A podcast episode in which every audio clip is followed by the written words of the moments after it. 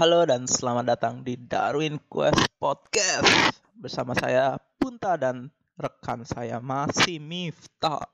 Halo Mif. Wih, wih, wih. Belum kantil lah. Gimana? Coba Apa tahu kamu jadi zuzur. Ha, sumpah hari susut. Oke. No, jadi, uh, Eh, minggu ini eh, kali ini episode kini kita kedatangan ada berita yang heboh. Kita bahas dulu berita yang lagi heboh ini. Ini masih ada ya, yang hubungannya, yang mas- masih ada hubungannya dengan eh, dunia biotek. Cocok lah untuk bahasan si Darwin Quest podcast sebenarnya. Yaitu adalah hepatitis misterius pada anak oh, anjay. yang Tiba-tiba menyebar ya. iya ke seluruh penjuru pulau. Ini kan belakangan ini kita lagi dihebohin oleh hepatitis misterius pada anak nih. Yang katanya itu virus barulah, ada yang bilang itu karena gejala long covid. Apa- Ada yang pasca infeksi covid gitu. Nah, eh si si hepatitis misterius ini nih apa sih sebenarnya? Apa-apanya maksudnya nih? Eh, ini nih, kan? ini nih hepatitis kah atau penyakit lain yang mirip hepatitis? Kalau reportnya kan agak ambigu ya sebenarnya. Hmm. Ada yang ngambang gitu nggak sih deteksinya? Ini nggak nggak masuk hepatitis A, B, C gitu kan? Iya, soalnya Ini kalau si- simptomnya tuh. kalau kita baca di sini tuh apa namanya di news itu rata-rata itu bilangnya ini tuh kasus kalau pada orang tua ya dia itu juga positif COVID kena kasus ini tapi kalau pada anak-anak dia itu nggak nggak nggak ada infeksi COVID sama sekali. Ya, tapi kena hepatitis gitu kan. Mm-mm. Jadi hepatitis apa bukan ini? Nah ini kayaknya karena masih baru tapi ada potensi jadi pandemi baru lagi nggak sih?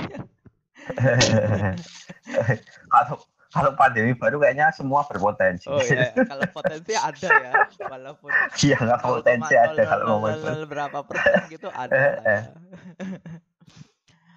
orang covid aja re- refresh terus kan. Eh, eh. Refresh berapa gitu kan pandeminya.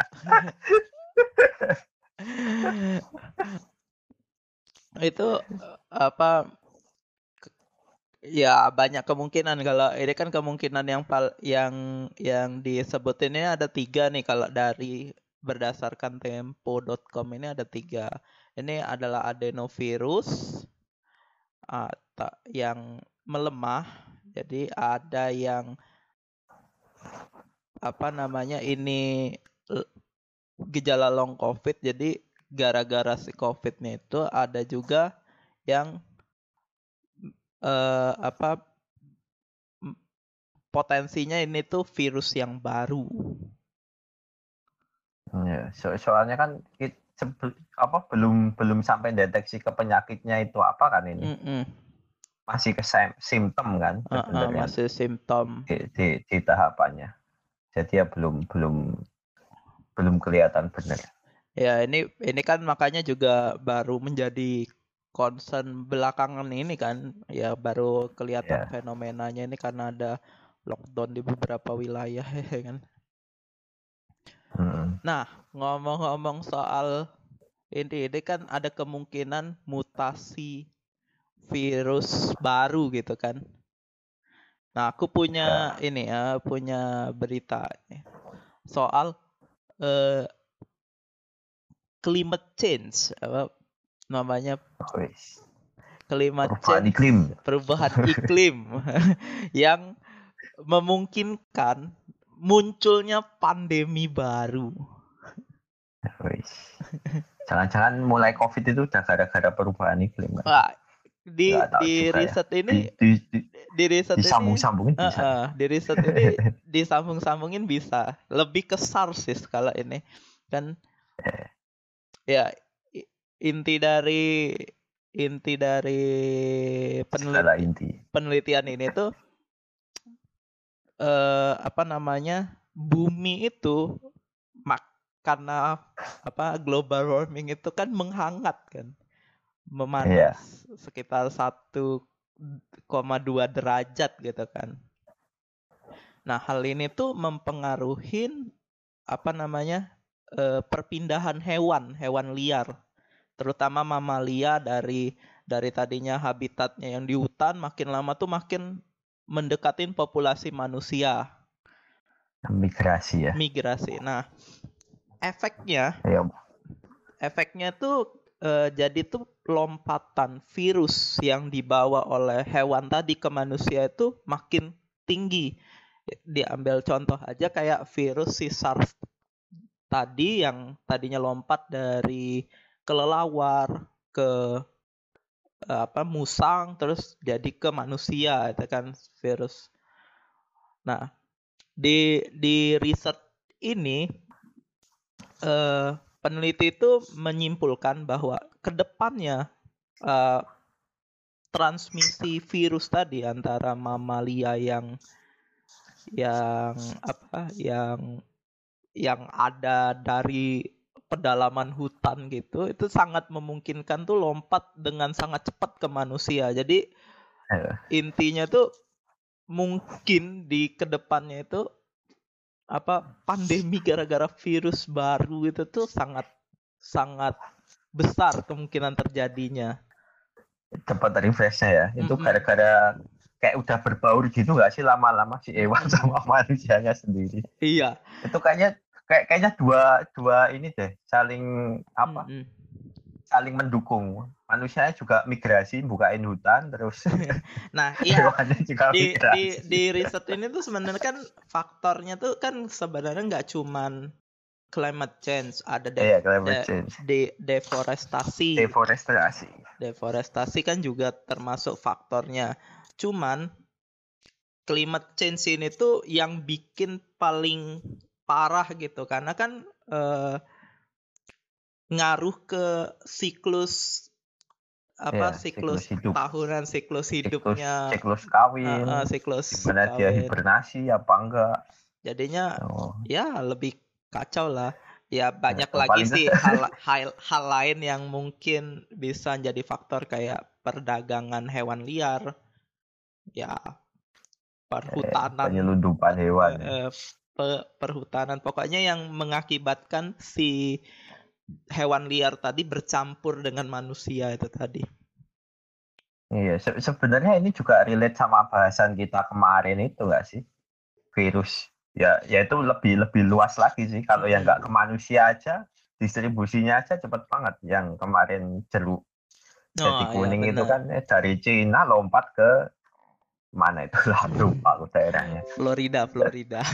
Iya, Florida, Floridina itu kan menyebarnya kan udah cepet banget jadinya. Heeh. Ya kalau naik suhu gitu kan hewan kawin juga nyari yang dingin-dingin juga kali ya. Enggak, enggak, enggak gitu dong. Enggak ya. Enggak gitu dong.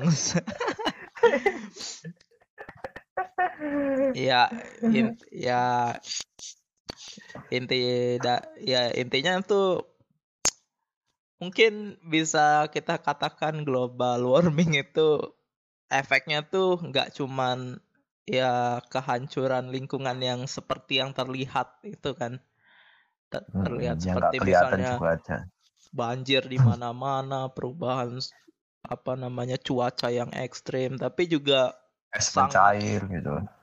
sangat sangat mungkin juga ke pandemi gitu, sangat berhubungan, bahkan tinggi res resikonya. Eh, dari yang makro sampai mikro kayaknya semuanya terkena impact-nya dari Mm, mm, global warming itu sendiri ya berarti kalau gitu. mm, mm. Oke, kamu ada nggak nih yang lucu nih? Nah, yang lucu apa ya kalau aku? Ini sama teknologi nih yang lagi hype sekarang, wis. Wes, Ya, soal internet of thing nih. Ya, ini ada Internet uh, riset sih. Iya, riset dari University of Cambridge ini.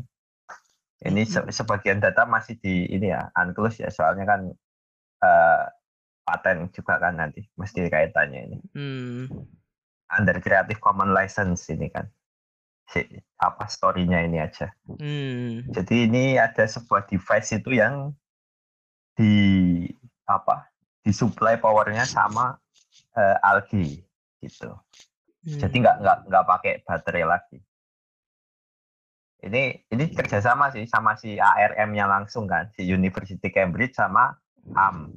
Hmm, hmm. AM itu yang yang bikin apa chip-chip Microprocessor, kecil gitu, ah. Cortex mikroprosesor. Jadi langsung direct ini kerjasama. Mungkin di Indonesia juga bisa eh, menginspirasi juga ya kerjasama antara biological sama produsen apa gitu nanti kan Iya. bisa bikin apa apa langsung gitu kan.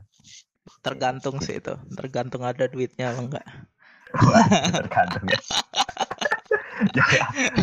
Kalau prospek mesti ada duit Oh, Oke ya. oke. Kita balik lagi ke itu. Jadi jadi si Alge ini ngapain di mikroprosesor ya? Si ARM itu tadi.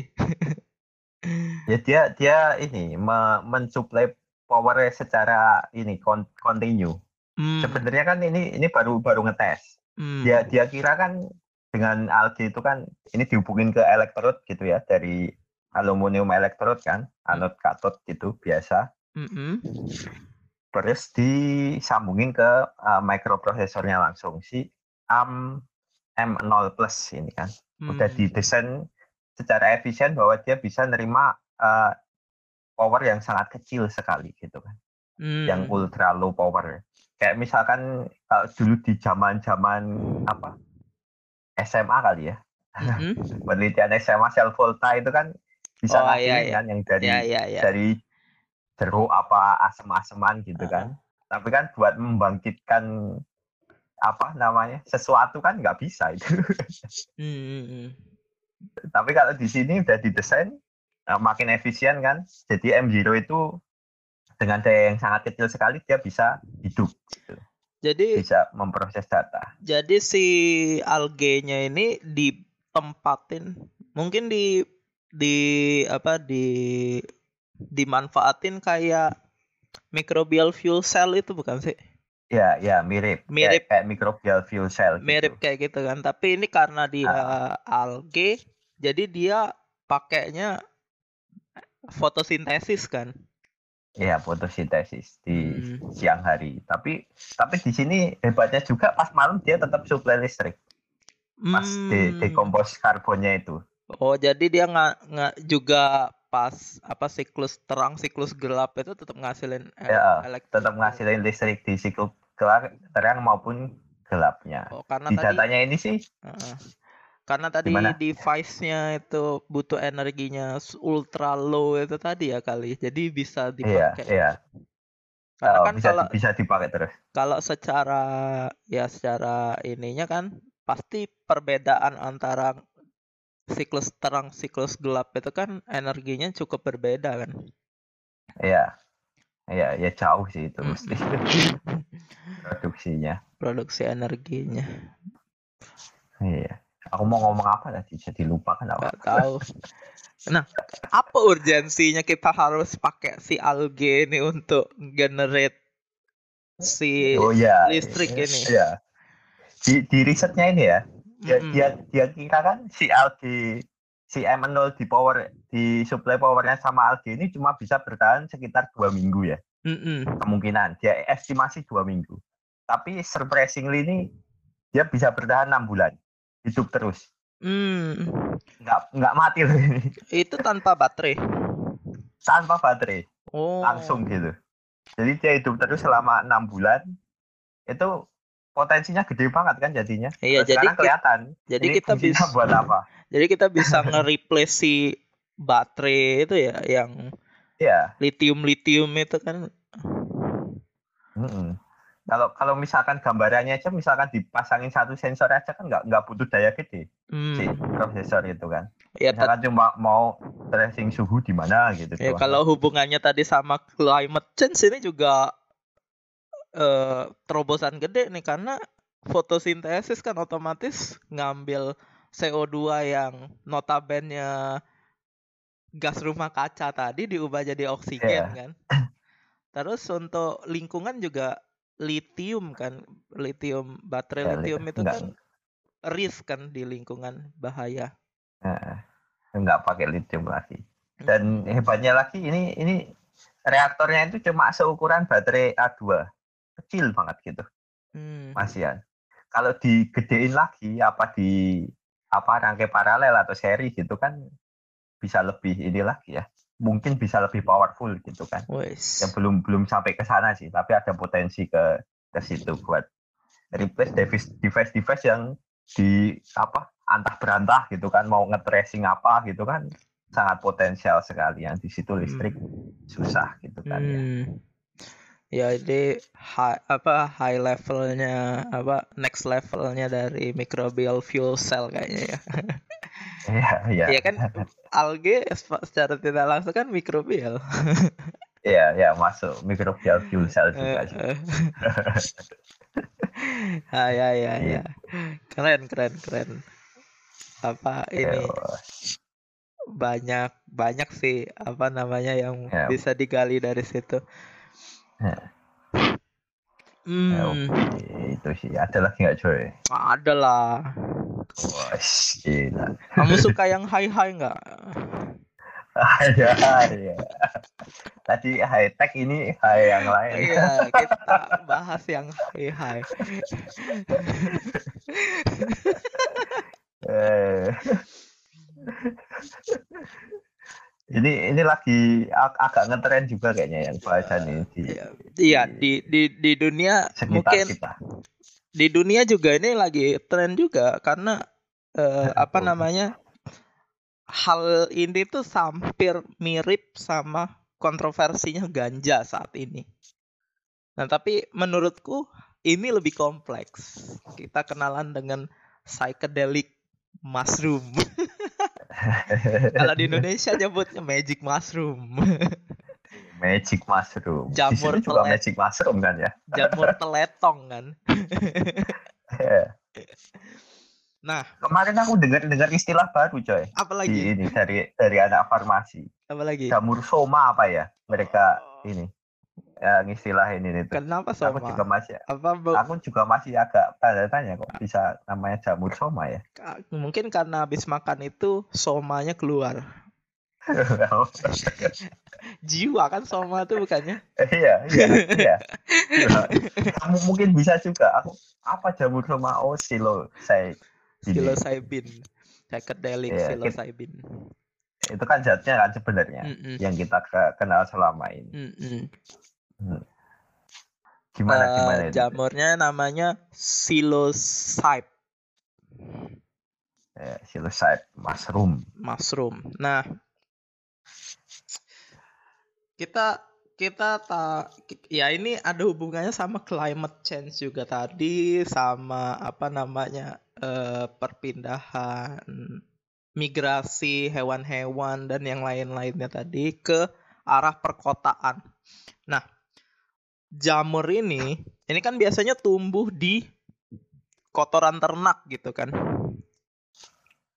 Ya. Ka- kalau kalau biasanya tuh kita dulu mahasiswa-mahasiswa itu nyarinya di kotoran-kotoran sapi gitu kan jamur ini Eh, tumbuhnya. teletong. Buat yang nggak tahu, psilocybin ini jamur yang punya eh psilocybe ini jamur yang eh, produksi psilocybin yang buk- merupakan zat halusinogen kuat ya. Hmm. Yang biasanya digunakan untuk entertain.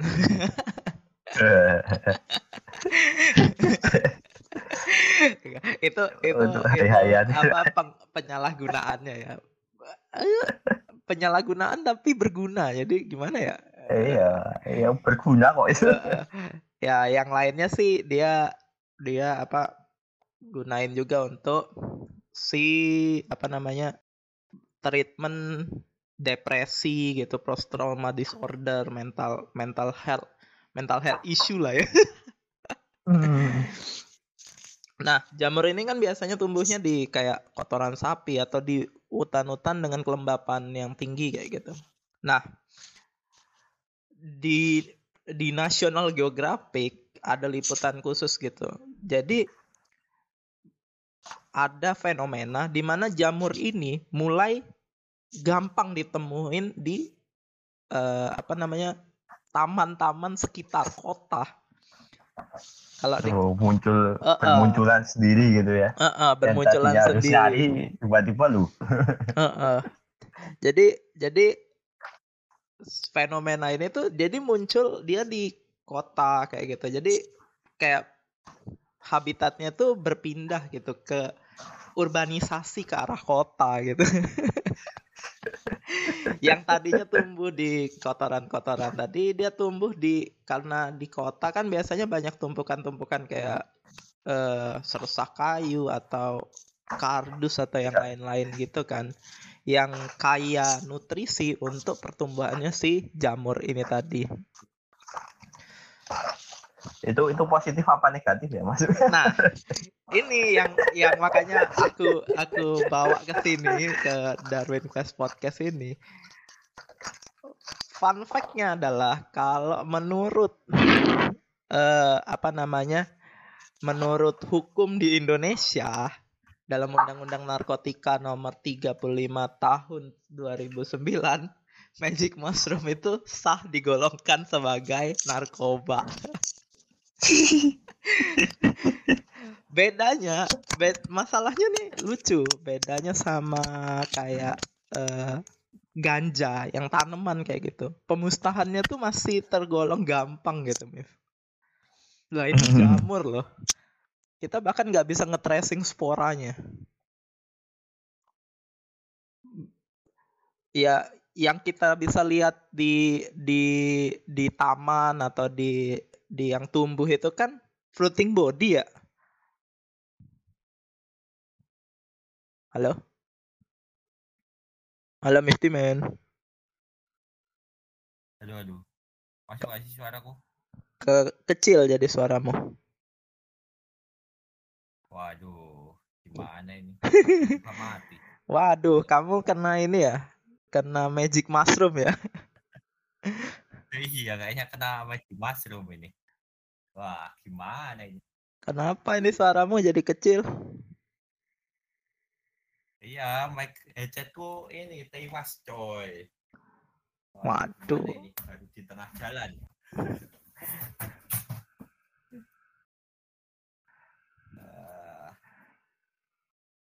Gimana nih? Gimana?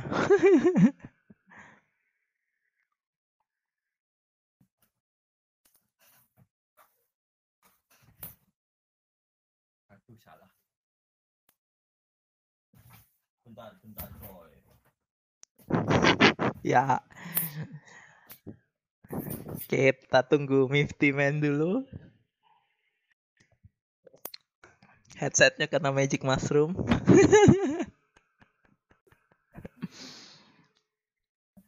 Halo halo. Halo? Belum belum. Volume mau dinaikin. Sekarang sekarang? Belum belum.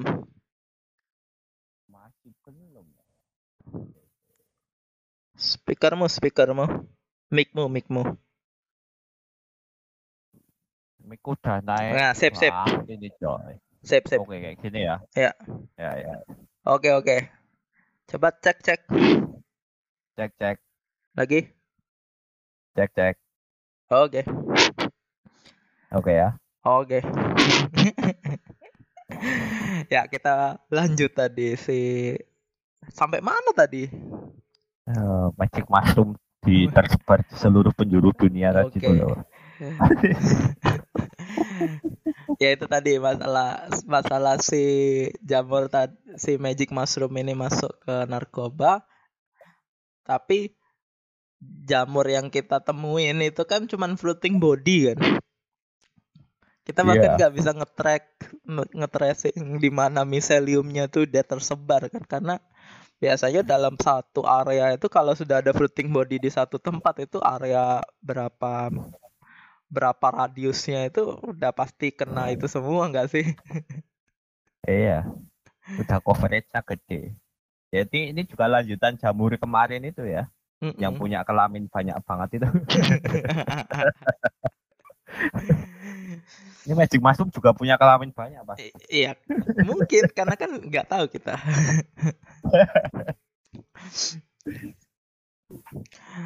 ya, jadi jadi mungkin ke depannya apa namanya aturan tentang dia undang-undang tentang dia masuk narkoba itu perlu di di iniin deh, disorotin lagi deh.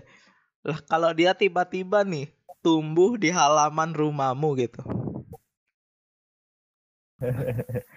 Ditangkap ya. Deket deket dikit Mif. Nggak kedengeran. Iya, iya, iya. Begini ya. Ya.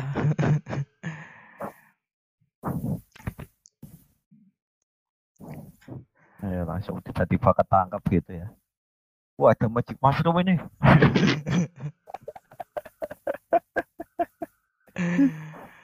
kan lucu ya. Eh, misalnya ketangkep gitu kan. Karena kan ini kan kalau dari liputan ini dia itu nemuin ini tuh di taman-taman. Jadi ada kemungkinan tidak menutup kemungkinan di di apa di depan halaman rumahmu ada tumbuh magic mushroom itu tiba-tiba kamu ditangkap polisi besok pagi karena magic mushroom sa- dalam satu hari aja dia udah bisa bikin floating body loh Iya, cepat. Mana eh apa sebenarnya kan in- inhabitannya kan juga bisa dari seresa-seresa itu juga kan. Mm-mm, Kalau kita kenal tadinya cuma dari letong gitu kan. mm-mm. Nggak nggak cuma dari itu juga aja. Sampah-sampah tiba-tiba keluar magic mushroom gitu juga bisa ya. Ah, bisa aduh ya itu sih jadi kita ya itu perlu ada peninjauan ulang sih soal masalah itu yang mungkin lebih pelik daripada masalahnya ganja karena kalau ganja kan apa nge-wipe-nya gampang gitu kan kelihatan gitu Iya, da- dan yang nanam tuh harus niat nanam dulu gitu kan. oh, oh. Kalau nggak ada niat kayaknya susah nanam ganja. benar benar benar Magic mushroom nggak nggak niat nanam tiba-tiba tumbuh. iya pada dasarnya juga dia kayak gitu gak niat tanam tapi tiba-tiba tumbuh oke oke kita ada lagi nggak ada lagi nggak Ada satu lagi nih dari Mai. Mai tut. Ini sa- satu lagi nih penemuan yang cukup menarik wis dari Nature Science ini tentang eh, origin of life. Wis Penemuan baru walaupun apa baru baru seencerit spoiler gitu ya. Mm-mm. ya masih baru penemuan awal bahwa ini ya kan selama ini kita kenal kan yang bisa replikasi itu cuma DNA ya kalau makhluk hidup mau mau berkembang biak kan si, si virus saja kan harus infeksi dapat DNA terus dikonvert lagi ber- ba- baru dapat banyak gitu kan dapat Mm, banyak mm. kopi terus jadi virus lagi kan Mm-mm. gitu kan ya ya di di nature ini walaupun secara apa sintetik gitu kan RNA doang itu bisa bereplikasi gitu. Hmm. gimana itu? R- RNA RNA atau RNA kompleks RNA protein gitu kan. Oh. double stranded gitu kan. Double stranded terus ditarik dipisahin gitu kan. Dia bisa bentuk double stranded RNA lagi. Kalau di Hmm. lingkungan sekitarnya ketemu RNA terus dia gabung lagi jadi RNA protein lagi. Jadi kalau kalau misalkan di cyclesin itu kayak semacam mini organisme gitu bisa replikasi membentuk kompleks cuma RNA sama protein aja di sini tuh Hmm. penemuannya yang agak baru gitu. Walaupun ini masih belum belum belum sempurna ya masih banyak pertanyaan juga dari penemuan itu. Cuma kan bisa bisa bereplikasi sendiri tapi. Hmm. si si si ini. Cuma kompleks RNA protein aja gitu. Nggak nggak nggak nggak perlu ditranslate ke DNA gitu kan ini.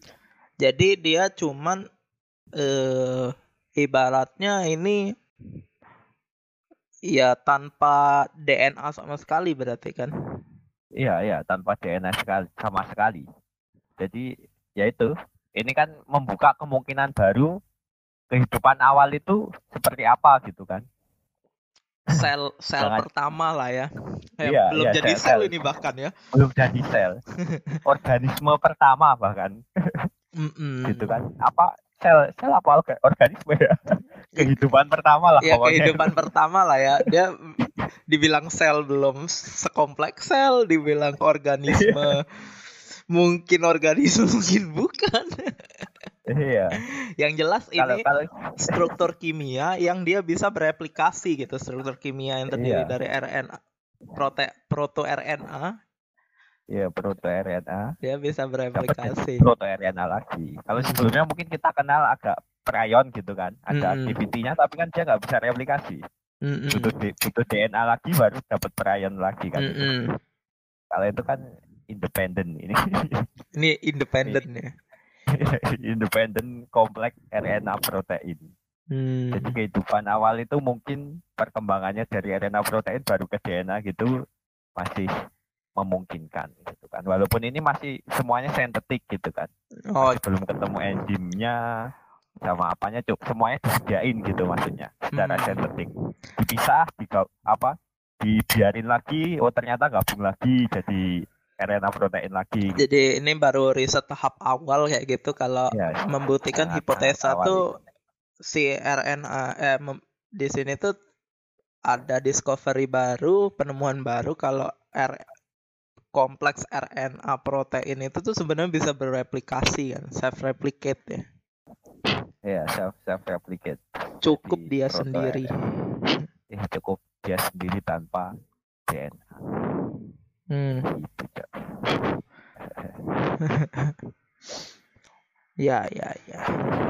jadi ya cukup cukup cukup baru gitulah kayak ini Mm-mm. membuka membuka pandangan baru tentang kehidupan yang sebenarnya Wes. ya saya reportnya cuma berapa berapa hari doang aja Ya, ya tapi kan apa namanya potensinya gede dong. Ini nih bisa Iya, manjang-manjangin buku ini loh, buku biologi loh nantinya. Kalau memang Iya. terbukti. Karena kan iya kalau kalau dari awal awalnya itu kan ya itu kan apa kompleks asam amino jadi protein. Terus protein kayak mana terus bentuk sel gitu kan. Nah, ini kan beda lagi harusnya protein RNA bereplikasi bereplikasi bentuk protein kompleks sel gitu kan. Jadi ada ada ada jedanya di situ, jembatannya, bridge-nya lah ya.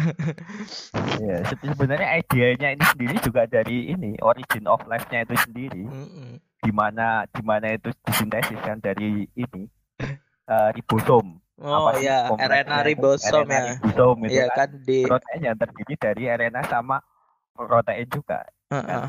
Iya di kompleks juga itu kan Heeh. Jadi kalau di bagian dalam sel itu ada ribosomal RNA itu ya itu ada kompleks itu protein sama RNA kan di situ. Untuk nyintesis protein lain kan malah. Ya, iya malah untuk nyintesis protein butuh itu Mm-mm. Ya ya ya ya. Hmm. Selamat selamat untuk kalian para generasi baru. Buku biologi kalian tambah tebel.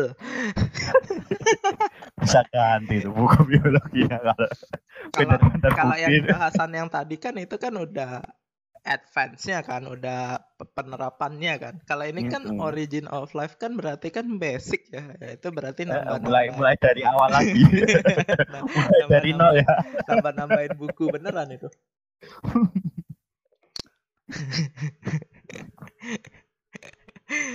Ah. Pusing-pusing dah.